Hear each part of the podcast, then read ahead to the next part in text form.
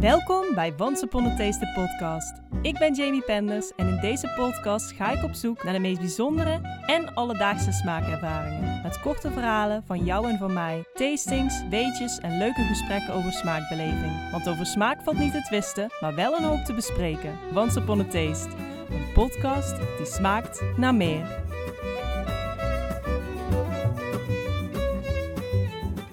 De muze van Suze schrijft teksten geïnspireerd door mensen zoals jij en ik. De momenten die we in ons leven, fantastisch of verdrietig, allemaal tegenkomen. Ze zoekt voor ieder mens en moment de juiste woorden. Recht uit jouw hart, uit Suzanne's pen. Suzanne is jouw woordentovenaar voor geboorte, rouw en trouw. Maar ook voor ondernemers, organisaties en evenementen. Het vangen van een gevoel of een moment in woorden. Want spreken is zilver en schrijven is goud. Via de Hell Week van Meetings in the Sun kwam de muze van Suus op mijn pad. Online deden honderden deelnemers mee aan een week die volledig in het teken stond van uit je comfortzone treden. Suzanne sloot elke dag af met een gedicht dat de dag perfect samenvatte. Gedichten die vele harten roerden. Vanaf toen ben ik haar avonturen blijven volgen. Inkijkjes in haar schrijfkunst en hilarische ongecensureerde stories over ondernemerschap, haar gezin en het leven zelf.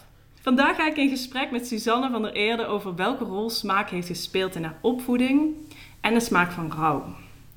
Dankjewel Suzanne dat ik vandaag bij jou mag aanschuiven.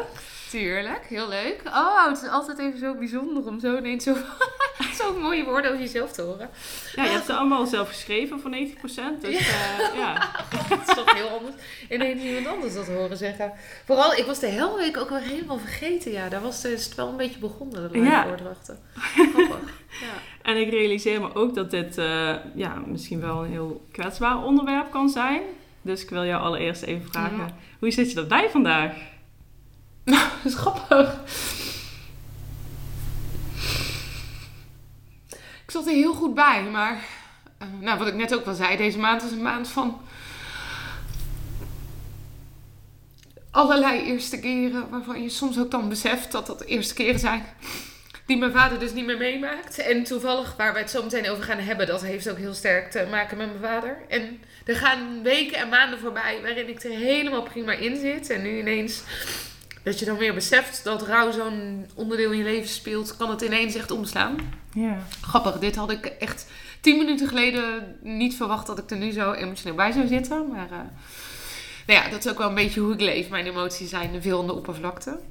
Dat geeft het leven kleur en smaak, denk ik. Dus het is helemaal oké. maar het is grappig om dan even te schakelen weer. Ja. ja. Nou, dan gaan we er meteen inspringen. Ja. En uh, ja, ben je er comfortabel mee? ja hoor, zeker. Ja, okay, zeker. Goed. Nou, dan gaan we het spits afbijten met een vast onderdeel van de podcast. Ik heb ook Suzanne gevraagd om een ingrediënt, product of voorwerp uit te kiezen waar zij een bijzondere smaakherinnering aan heeft. En um, ja, het zijn er meerdere geworden. Wat heb je uitgekozen, Suzanne, en welk verhaal zit erachter? Ja, het is grappig. Ik denk dus dat het niet zozeer een smaakherinnering is, maar wel een herinnering. Ik heb eigenlijk nou, nu hier dus twee dingen liggen. Uh, het zijn eigenlijk twee verschillende verhalen. Uh, de eerste is de pastamaker. Uh, en ik voor de kijkers thuis wees ik net naar een uh, item bovenop de koelkast. Een mandoline waarmee je dingen heel dun kan snijden. En dat ligt eigenlijk in lijn met de pastamaker. Die heb ik namelijk van mijn vader gekregen voor mijn verjaardag. Al vanaf dat ik, nou ik denk een jaar of twintig ben, weet ik gewoon, inflatie of niet, het budget voor een verjaardagscadeau was altijd om en bij de 50 euro. Um, en mijn vader vroeg altijd gewoon, wat wil je hebben? Je weet wat budget is en dan gaan we daar naar zoeken. En zo heb ik door de jaren heen dus heel wat kookboeken, keukenapparatuur. Er was eigenlijk ook niemand anders aan wie ik dat vroeg, behalve aan mijn vader. Hmm. Ehm, dus zowel de pasta maken als de mandoline, zei het met bijbetaling, is een uh, cadeau gekregen van mijn uh, vader voor mijn verjaardag. En waar ik de pasta maker echt, of nou ja, eigenlijk moet ik zeggen, waar ik de mandoline zelden gebruik. Uh, ik vraag me af of ik, of ik hem wel eens al echt heb gebruikt of telkens heb geprobeerd, maar weer heb opgegeven, is de um, gebruikte pasta maken wel heel veel. Uh, en dat deed ik al toen uh, mijn vader nog leefde. En nou, hij is nu bijna drie jaar geleden overleden. Um, maar nu gebruik ik hem nog steeds met enige regelmaat. En ik heb hem echt op pastaavonden met vrienden gebruikt. Maar eh, toevallig vorige week nog vond Ben, mijn zoontje van 3,5, die vond het hengsel dat je gebruikt Oh, om ja, ja. eh, te draaien. Die wilde weten wat het was, dus ik ging het laten zien. En toen wilde hij het gelijk toepassen natuurlijk. Eh, en toen zei ik, ja, we hebben geen pasta deeg. En ik had ook echt even totaal geen zin om dat te maken. Maar toen dacht ik, maar ik kan er wel een boterham doorheen rollen. En dan, Ja. eh, nou ja, hij vond het helemaal fascinerend. Alleen de grap was, terwijl we daarmee bezig waren, ik had de korstjes van de boterham afgehaald. En ehm, we hadden dat er helemaal doorheen gerold en niet de spaghetti opzetstukken of iets gebruikt. Gewoon puur alleen het, eh, het uitrollen. En wat overbleef was een soort van echt extreem dunne boterham. Dus toen dacht ik, ik had nog wat kruidenboter in de koelkast staan. Dus dat had ik heel heet laten worden in de pan. En daar het brood dus soort van in gefrituurd. Dus we hadden ineens een soort van kruidenboter broodchipje. nu. Dat we dus s'avonds bij, die- bij het eten, ik weet niet meer, hadden een salade of zo. En in plaats van croutons hadden we dus die chipjes eroverheen gedaan. En dat was natuurlijk heel mooi, want A, ik had geen idee dat toen Ben bedacht dat hij wilde weten hoe dit werkte, wij een ingrediënt voor het avondeten hadden eh, verzonnen. Maar het is wel heel leuk. Het zijn ook de dingen waar ik normaal gesproken dan linksom of rechtsom wel een keer met mijn vader over gepraat zou hebben. Ja. Ehm, maar eh, ja, Ben vindt dat heel interessant en die eh, kookt al vanaf dat hij denk ik een jaar was of zo. Kookt hij eh, wat regelmatig mee. Het roeren, het is echt... eh, heeft hij eh, denk ik echt van mijn kant van degene. Ik heb dat dus echt van mijn vader meegekregen. En hij vindt het super interessant. Hij wil altijd meekoken en overal bij helpen. En eh, nou, zijn eigen keukentje. Maar dus echt veel liever nog in onze keuken. In echte hij alles keuken, ja. uitzoeken. Dus dat, eh, dat is voor mij heel leuk. Dat vond mijn vader ook wel heel interessant. Mijn vader is dus overleden toen Ben, eh, moet ik het goed zeggen, bijna twee was. Oh, dus dus die wel een fase, beetje meegemaakt. precies, die fase heeft hij nog wel meegemaakt. Dus daar vertelde we dan ook altijd heel veel over. Hm. Ehm, ja, maar nee, dat was dus de pastamaker. En de ander die kwam ik tegen toen wij dus met eh, het andere item, toen wij met Ben zijn kleine keukentje op gingen ruimen. Ik had helemaal niet door dat hij deze had gepakt. Hij haalt dus ook altijd spullen uit onze keukenla en dan Daar ga ik mee koken. invet, kwastjes, gardes. Eigenlijk alles wat wij regelmatig gebruiken. Als we het niet kunnen vinden, dan ligt dat in zijn eigen keuken. Eh, en dat tweede item is een knoflookpers. Een hele oude. Is dit dan emaille, noem je dit? Ja, volgens mij wel, ja. Ja. Ehm, en eh, Ben speelt hier nu mee. Eh, wij hebben de oude knoflookpers van mijn vader in de keukenla liggen. Ehm, maar deze hebben wij, of heb ik gekocht op de eerste date met Bram, mijn man. Eh, toen- Tinderbram. ja, Tinderbram inderdaad. Toen eh, wij gingen naar de Eihallen in Amsterdam, de tweede, of de Rommelmarkt zeg maar. En dat was onze eerste date. En dat was een voorstel van Bram, want die zei laten we het nuttige met het aangename combineren. Eh is ook grappig, het is allebei hoe wij ook wel als persoon zijn. Nuttig, maar ook eh, de aangename dat wel eh, combineren. Ehm, en hij moest iets van een schaal hebben. Die staat hier dus ook, ligt daar tussen alle zooi. Hij zocht een fruitschaal voor zijn studentenhuis. Hij woonde daar samen met vrienden, ze waren inmiddels allemaal aan het werk. Maar ze misten nog een fruitschaal. Dus dat wilde hij op de eihallen halen. En toen eh, stonden wij buiten bij een kraam. Ik denk niet dat we echt weten hoe die man heette, maar we hebben hem... Of ja, misschien... Ja, heette die Rijn. Ja, hij heette Rijn en dat vonden we grappig, want Brams tweede naam is Reinhard. Ja, we stonden daar helemaal over eh, te ouwe hoeren. En toen hebben we dit... Heb ik deze meegenomen met het idee... Oh ja, dit is echt zo'n onverwoestbaar ding. Ja. Wat dus echt heel chill is. En inderdaad, zeven jaar later eh, gaat het nog steeds eh, heel goed. Ehm, en eh, de, ja, dat is zo'n soort van symboliek ook voor onze eerste date geworden. Nou hebben Brams ouders een, ehm een. Ook van ditzelfde materiaal. En die hebben zij dus ook echt al 40 jaar. Ongeveer zo lang als dat ze elkaar kennen. Nou, ze zijn volgens mij, ze waren onlangs 40 jaar getrouwd. Misschien hebben ze hem dus nog wel langer. En dat vindt Bram dan ook weer heel mooi. Dat zo'n item dan ja, dat is de trots Heel- van het huis, hè? Precies, Ja. dat het echt heel lang meegaat. En ik vind het, ik ben normaal gesproken veel meer gevoeliger voor dat soort symboliek en zo dan Bram. Maar ik vond het heel mooi dat Bram dat dan zo ervaarde. Dus toen had ik een tijd geleden had ik bij eh Dylan en Camilla een eh eiersnijder gekocht. en met het idee. Kijk, we hadden deze knoflookpers al, maar ik vond het gewoon heel leuk dat Bram dan ook zoiets wilde dat ons hele leven mee zou gaan. Eh, had ik daar dus een eiersnijder gekocht. En die had ik in een zakje gedaan en toen kwam ik buiten. Bram moest even wachten. Toen kwam ik buiten en toen zei ik: Oké, dit staat. Als we het goed doen, staat dit straks ook symbool voor ons huwelijk. En Bram haalt die uitsnijer uit dat zakje en de flikkert al gelijk de schroef uit. en dat ding is los. En ja, kon je dus ook eigenlijk niet meer goed gebruiken, want het helemaal scheef. Toen keken we elkaar ook aan en toen dachten we... mm, Laat dit maar niet het symbool zijn. toen zei ik, oké, ik ga wel even terug. Ik ga dit regelen. Ook, de, ook, ook dat ze getrouwd zijn. Ik ga het regelen. Eh, dus daar moest ik ook ineens aan denken. Dus, nou ja, deze, deze twee voorbeelden. Dus eh, vader-dochter en man-vrouw relatie, Leuk. denk ik, Oh, symboliek. Ik ga Ja. sowieso ook een keer proberen om die crispy boterhamchips te maken. Mhm. Dat klinkt echt heel goed. Heel lekker, ja. Wat betekent eh, smaak voor jou? Ehm, ja, oeh. Nou, daar kan je natuurlijk alle kanten mee op. Ehm, ik denk in de breedste zin van het woord staat veel smaak ook heel dicht bij mij. Want veel smaak is veel kleur, veel emotie, veel beleving. Gewoon echt wel... eh, eh, het maakt het interessant. En als iets flauw is of aan de oppervlakte, dan herinner je het ook niet, denk ik. We herinneren allemaal heel uitgesproken dingen, of ze nu goed of slecht zijn. Het goorste wat je ooit hebt gegeten, dat weet je waarschijnlijk nog wel. Maar het allerlekkerste ook. Maar heel veel dingen die je wel prima vindt, die vergeet je ook weer. Ehm, dus ik denk dat smaak wel een manier is om, eh, ja, in brede zin van het woord, eh, wat meer kleur aan je leven te geven. Mooie opvatting. Ehm, ja, pas een tijd nadat ik je ben gaan volgen, realiseerde ik me dat de Hell Week periode, periode voor jou dus ook in het teken stond van verse rouw. Eh, dat wist ik toen niet. In februari 2021 overleed jouw vader onverwachts. En jouw vader had een bijzondere band met smaak, want jouw vader was chefkok. Wat voor chef was hij? Oh, nou, mijn vader was. Ik denk dat ik het vooral als meisje, als dochter zijnde, echt wel heb opgehemeld. Als ik, dat het, ik, als ik daar nu terugkijk, was hij echt niet zo bijzonder als dat ik altijd vond dat hij was. Maar dat maakt het natuurlijk ook heel mooi. Ik denk dat dat een goede. dat dat een gevoel is waarmee je wil opgroeien. Dat je vader of je moeder of een van je ouders zo'n magische status eh, vervult. Mijn vader is een held. Ja, precies dat. Ehm, mijn vader heeft echt. eh, hij heeft als chefkok gewerkt in diverse restaurants. Eh, hij heeft, toen ik echt klein klein was, werkte hij in de slagerij.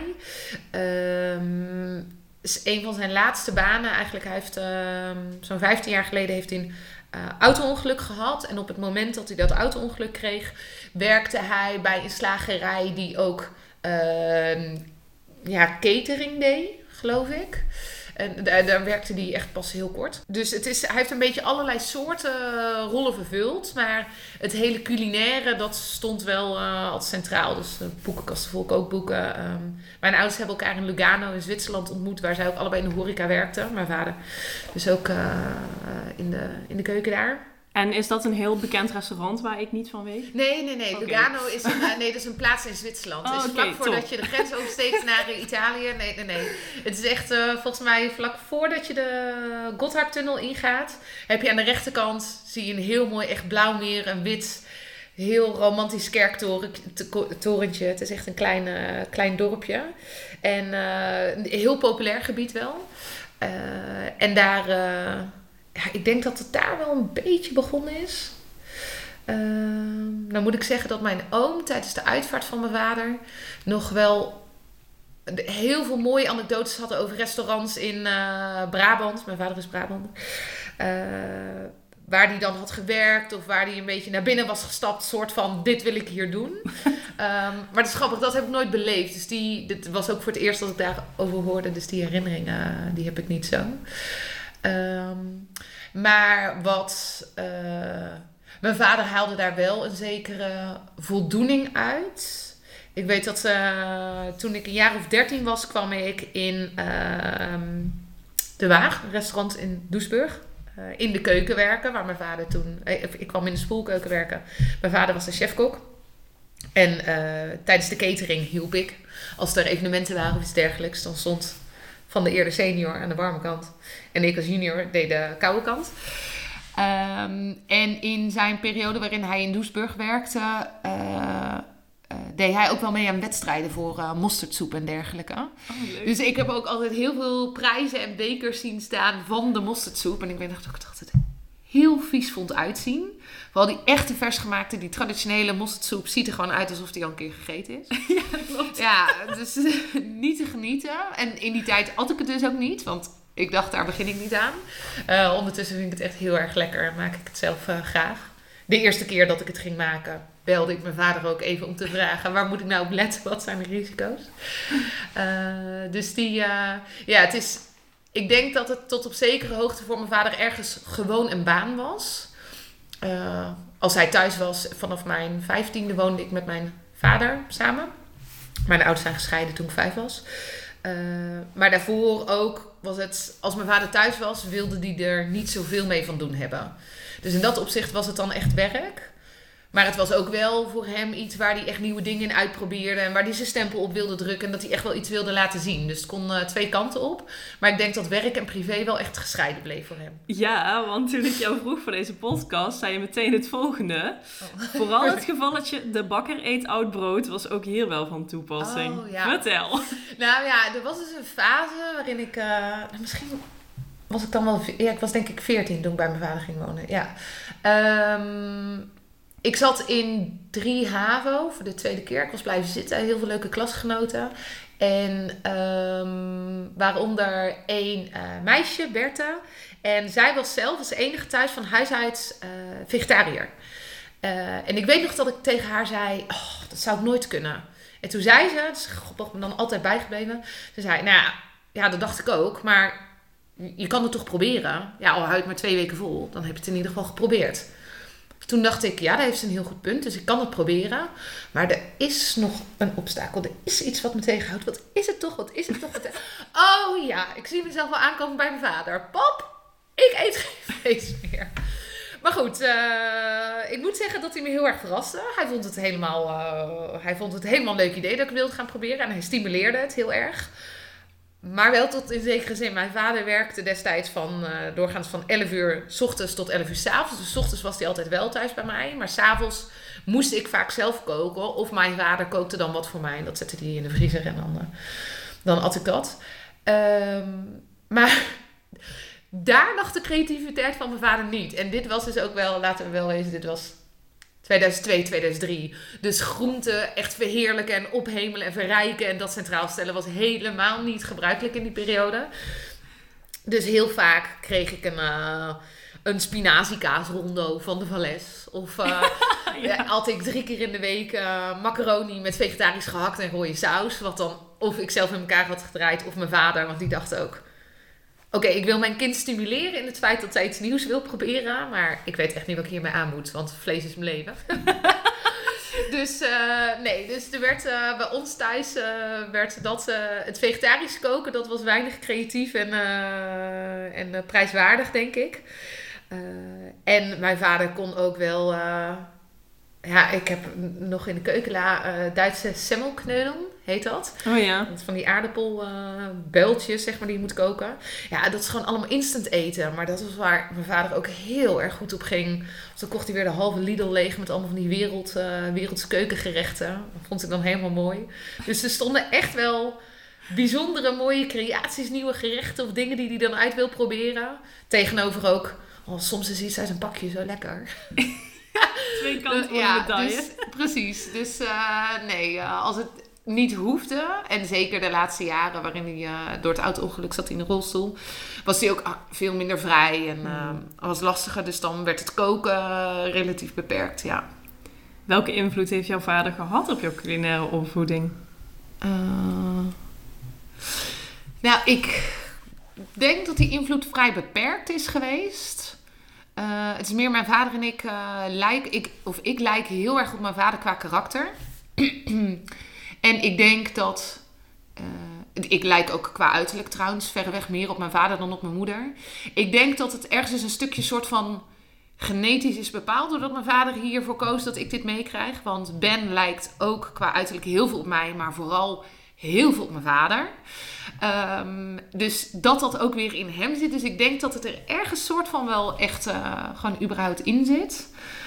Um, maar het was Nou, ik denk dat het niet zozeer een invloed had, als wel dat het gewoon ons verbond. Dus zeker toen ik uh, op kamers woonde, dan belde ik hem heel vaak tijdens het koken om even raad te vragen. Of als ik iets nieuws had geprobeerd, dan deelde ik dat. Of ik heb in 2010 uh, zeven maanden in Zuid-Afrika gezeten.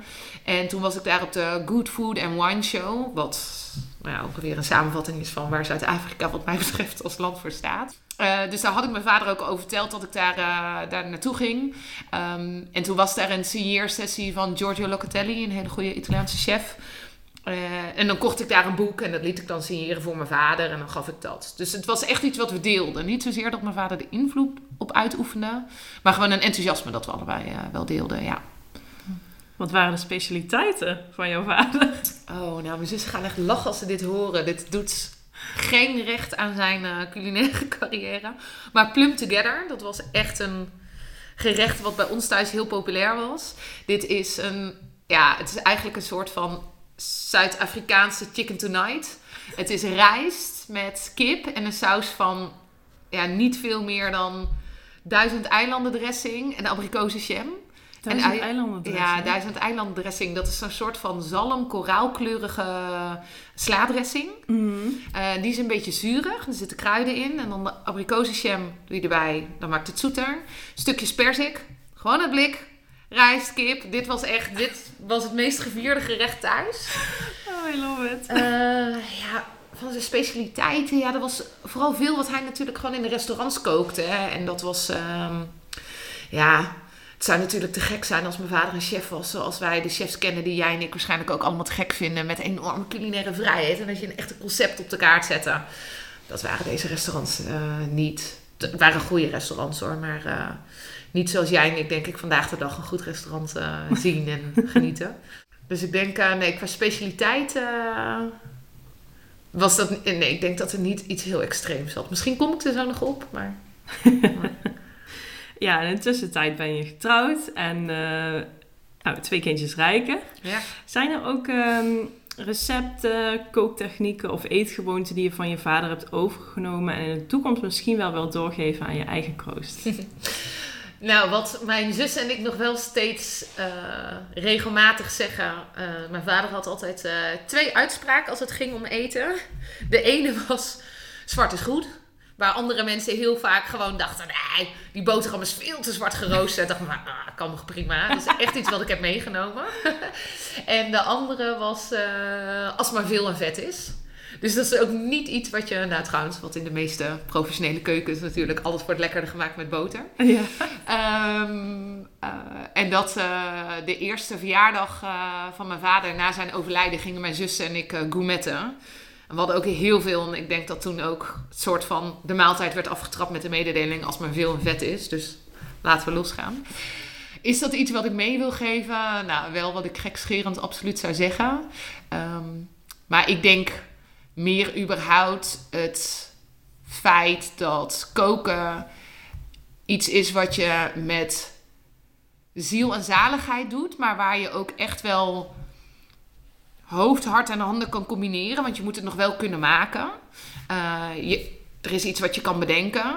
En dan kan je het maken. Maar je hoeft het ook niet zelf te bedenken. Je kan het ook uit boeken halen. En dan kan je er nog steeds iets van maken. En dat, uh, ja, dat het echt een bezigheid is. Dat je heel leuk kan vinden. Ik denk dat dat iets is wat ik heel graag mee wil geven. Bram vindt koken de hel. Wij uh, meten het succes van de maaltijd van Bram hier thuis niet af aan hoe lekker het smaakt, maar hoeveel, hoe weinig er is gevloekt. um, en uh, ik zou het toch jammer vinden als uh, Ben of Jette het idee van dat koken echt een klus is en heel vervelend is en moeilijk en ingewikkeld en niet leuk. Mm. Als ze dat meenemen, daar wil ik wel voor waken.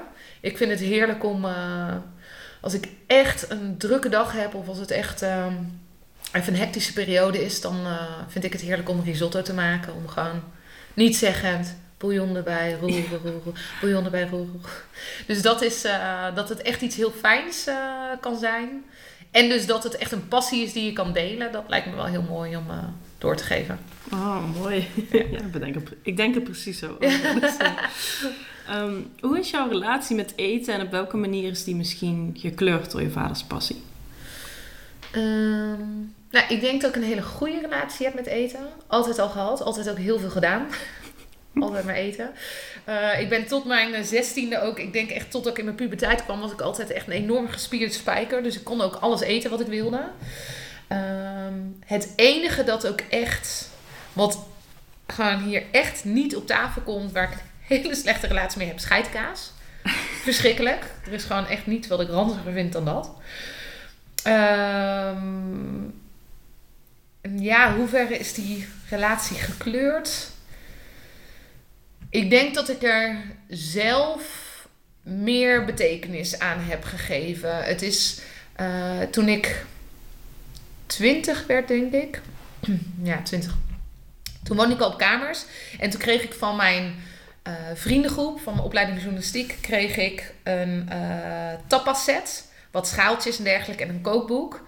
En het is echt grappig, want ik heb daar later nog wel eens bij stilgestaan dat ik dacht, hoe zijn zij daarbij gekomen? Maar ik denk dat ik gewoon van ons zevende achter waren we, geloof ik, dat ik de enige was die veruit het meeste kookte. Mhm. Maar laten we wel wezen, ik heb in de eerste twee jaar van mijn opleiding waren avondjes eten met vrienden ook kilo bakken kant-klare lasagne en een fles wijn van 3 euro erbij. Dus het was niet als het stond helemaal nooit centraal, maar op de een of andere manier is het daar wel begonnen. En ik dus ook altijd degene die de etentjes gaf voor vrienden. En dat uh, regelmatig gedaan. En ik denk omdat ik die achtergrond had, dat ik het leuker ben gaan vinden dan de rest van de mensen om me heen. Omdat het dus ook iets was wat ik met mijn vader kon delen. Maar ja, zeker in het eerste jaar in de winter. Ik had een kamer waar uh, van die gevelkacheltjes hingen, enkel glas. Het was echt heel aftans. En als ik daar dan in januari in mijn bed lag, s ochtends wakker werd, dan blies ik rookwolkjes. Zo koud was het er ook binnen. Oh my. Uh, en soms ging ik dan, ik ging in het weekend zelden nog terug naar huis. Dat was een van de weinigen. Um, maar dan had ik gewerkt in een hotel, was ik kamermeisje. En dan kwam ik thuis. En dan ging ik onder mijn dekbed liggen. En dan was ik eindelijk opgewarmd. En dacht ik, kut, ik heb niks te eten in huis. Maar dan dacht ik, ja, ik ga ook echt niet meer naar buiten, want het is veel te koud en ik warm niet meer op als ik terugkom. Dus dan at ik wat in de koelkast lag. En dat was bijvoorbeeld, uh, nou, brood bewaar ik niet in de koelkast, maar brood met, het is echt heel goor als ik hier aan terugdenk, uh, plakjes boterhammenworst en kip curry en dan nog een boterham en dan nog een laag kip curry salade.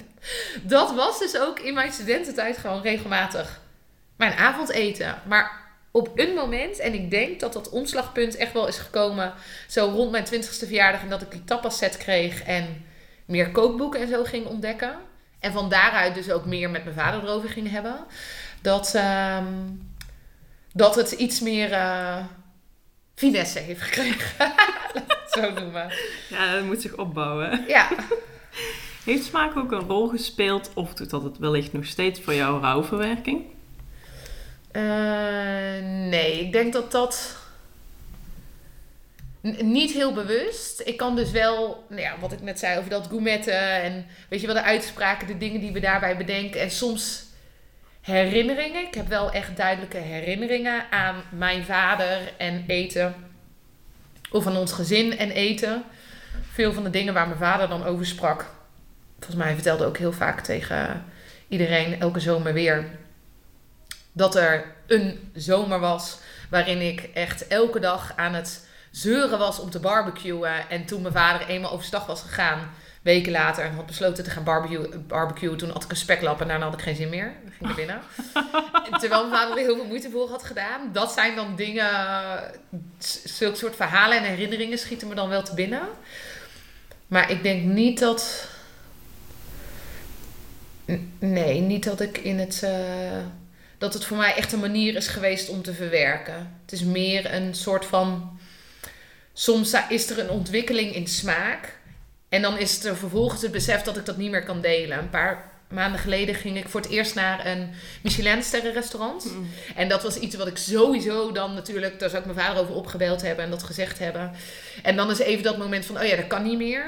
Uh, en dat zijn momenten die makkelijker worden naarmate de tijd verstrijkt. Dus nu bijna twee jaar geleden. Uh, dus in die zin is smaak nog steeds wel, of vooral smaakbeleving, mm aan het overlijden van mijn vader gekoppeld. Maar ik heb niet echt actief uh, gebruikt in mijn uh, rouwproces, denk ik. Ja, want um, toen jullie jouw vader samen wegbrachten bij het laatste afscheid. Wat hebben jullie toen samen gegeten en gedronken ter nagedachtenis? Hebben jullie er iets bijzonders van gemaakt? Nou ja, ja, ik zit even te denken. Ja, wij hebben Appeltaart van de Waag, het restaurant waar mijn vader dus heel lang heeft gewerkt. Dat staat zeker in die streek, staat het echt bekend om geweldige appeltaart. Het is heel hoog, het wordt met speciale koekkruiden gemaakt. Het is echt anders dan elke appeltaart die je kent. De korst aan de bovenkant is ook veel kruimeliger. Echt uh, nou ja, aanrader als je in Doesburg of in de buurt bent. Daar in ieder geval het even te gaan eten. Dus die hebben we... Uh, daar hebben we toen een paar taarten besteld. En um, uh, dat erbij ge, ge, of geserveerd, zeg maar, na de dienst. In het uitvaart, in het crematorium zelf hadden we wel iets van broodjes en dergelijke. Maar dat was nog redelijk standaard. We hadden bedacht, oké, okay, we bieden voor... Uh, mijn vader is natuurlijk in coronatijd overleden. Dus sowieso mochten mm. tijdens de uitvaart maar uh, beperkte mensen aanwezig zijn. Volgens mij waren we iets met... Uh, ja, 30 man of zo, denk ik. Um, en we hadden bedacht, oké, okay, dan gaan we... Dan doen we dat in het crematorium, is het redelijk beperkt. Maar dan gaan we daarna... Mijn vader woonde in Dieren, in Zuid. En er zit vlakbij zijn huis een ijssalon slash meubelmaker. Want okay, uiteraard. Logisch. Maar in beide zijn ze erg goed. En uh, mijn vader uh, die werd uh, vrienden ongeveer met iedereen die die tegenkwam. En dan even ging ouwe hoeren. En zo ook Girard, als ik, het goed, als ik zijn naam goed uitspreek. Mijn vader leerde hem denk ik kennen omdat hij daar dus dan wel eens een ijsje ging halen. En zo leerde hij over de meubelmakerij. En uiteindelijk heeft, hebben zij meubels gemaakt voor in mijn vaders nieuwe huis. um, maar eigenlijk altijd als we daar waren, dan gingen we ook even een ijsje eten. Uh, en dat is, nou ja, dat is ook een beetje het, uh, als het maar lekker veel is, uh, dat idee. dus we hadden bedacht dat in, um, dat voor het, de nazit, zeg maar, hadden we gevraagd of we dat daar konden doen. Wel enigszins problematisch, omdat het natuurlijk nog corona was, dus mochten al die mensen erbij. Maar zij waren echt super relaxed. En ze zeiden, ja joh, we gooien de tent dicht. helemaal goed. Dit was, moet ik het goed zeggen, 24 februari. Uh, of 25 februari. Ik haal de dagen altijd even door de war. 24 februari was de uitvaart. En uh, 24 februari 2021 was echt een stralende dag. Het was echt zonnig tot en met. Dus we hebben daar lekker buiten op het terras gezeten bij de ijssalon. En daarna gingen we een beetje allemaal onze eigen weg. En ben ik nog even in het huis geweest van wat spullen ophalen van mijn vader. En daar heb ik nog in het zonnetje ook een biertje gedronken samen met uh, Bram. Um, maar de appeltaart en de ijssalon, ik denk dat dat uh, centraal stond voor het afscheid. Ja. ja. Oh, zo bijzonder. Ja. ja, zijn er daarnaast nog uh, gerechten of producten waarbij je altijd aan je vader moet denken? Nou ja, echt wel veel van de, de kant-en-klare producten. Of dus als de Lidl weer een nieuwe lijn heeft met uh, wereldgerechten. Weer een of ander jammetje of sausje. Of, uh, ja, dat vond hij dan altijd heel mooi om te proberen. En ik weet ook nog, ik denk dat dit met het leegruimen van zijn huis... stond ik bij de viswinkel in Dieren. En ik weet nog dat ik daar zo'n... Daar zag ik iets van een forelsalade of zo liggen. Zo'n soort van huzarensalade achter, oh, ja. maar dan de visvariant. En dat ik daar naar keek en dan met zo'n... Oh, zo'n dikke klodder. Maar ja, echt ja, ja. veel te vet. Veel te... Oh, dat ik denk, oh, ik, mo ik moet hier niet aan denken. Ik ben wel van de iets lichtere keuken. Um, maar dat ik daar naar keek en dan kon ik hem dus echt weer voorstellen... hoe mijn vader dan zou zeggen, ja, lekker joh. En dan doet hij dus eerst Twee keer besmeert hij een doosje ermee. En daarna denkt hij, veel te veel werk, geen zin. En dan neemt hij gewoon zo'n hap uit dat bakje. Dat zag ik echt weer helemaal voor me hoe hij dat dan zou doen. Oh. Um, ja, ja, ik denk dat dat wel, uh, vooral inderdaad die, uh, ja, heel veel. Heel veel eten. Ik denk dat dat, uh, dat, dat gewoon nog heel goed voor me kan zien. Een plakje kaas beginnen en dan toch gewoon hup een blok afsnijden. Zo'n beetje op een toastje. En dan een hele hap gewoon zo. Lepel erbij. Ja, lepel erbij, ja. Ik denk dat dat is vrij typerend voor mijn vader, ja.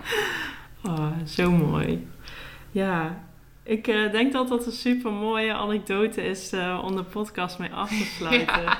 Dankjewel Suzanne dat ik vandaag hier bij jou mag zijn en voor het delen van jouw verhaal. Ik vond het super bijzonder om uh, ja, om zo kwetsbaar uh, verhaal te mogen dat is ook wel heel leuk om er weer even over te praten. Hier, dit zijn de details waar ik natuurlijk nooit aan denk. Ja. Je zoomt echt in, maar wel heel erg mooi om te doen. Dankjewel. Ja, en ook heel leuk om uh, je vader zo wat beter te leren kennen. Ook al is hij er niet bij. Ja, dat uh, voelt toch als hele warme herinneringen. Ja, dus, absoluut. Ja. Um, en voor iedereen die op zoek is naar een origineel cadeau voor geboorte, rouw of trouw, een liefdes- of dankbetuiging of propositiepoëzie, om woorden te geven aan het leven, neem dan een kijkje op www.demuzevansuze.nl. Um, ehm, en dat is twee keer met een zes. Uh, zes. Dat is twee keer met een Z. En volg de Muze van Suze op Instagram.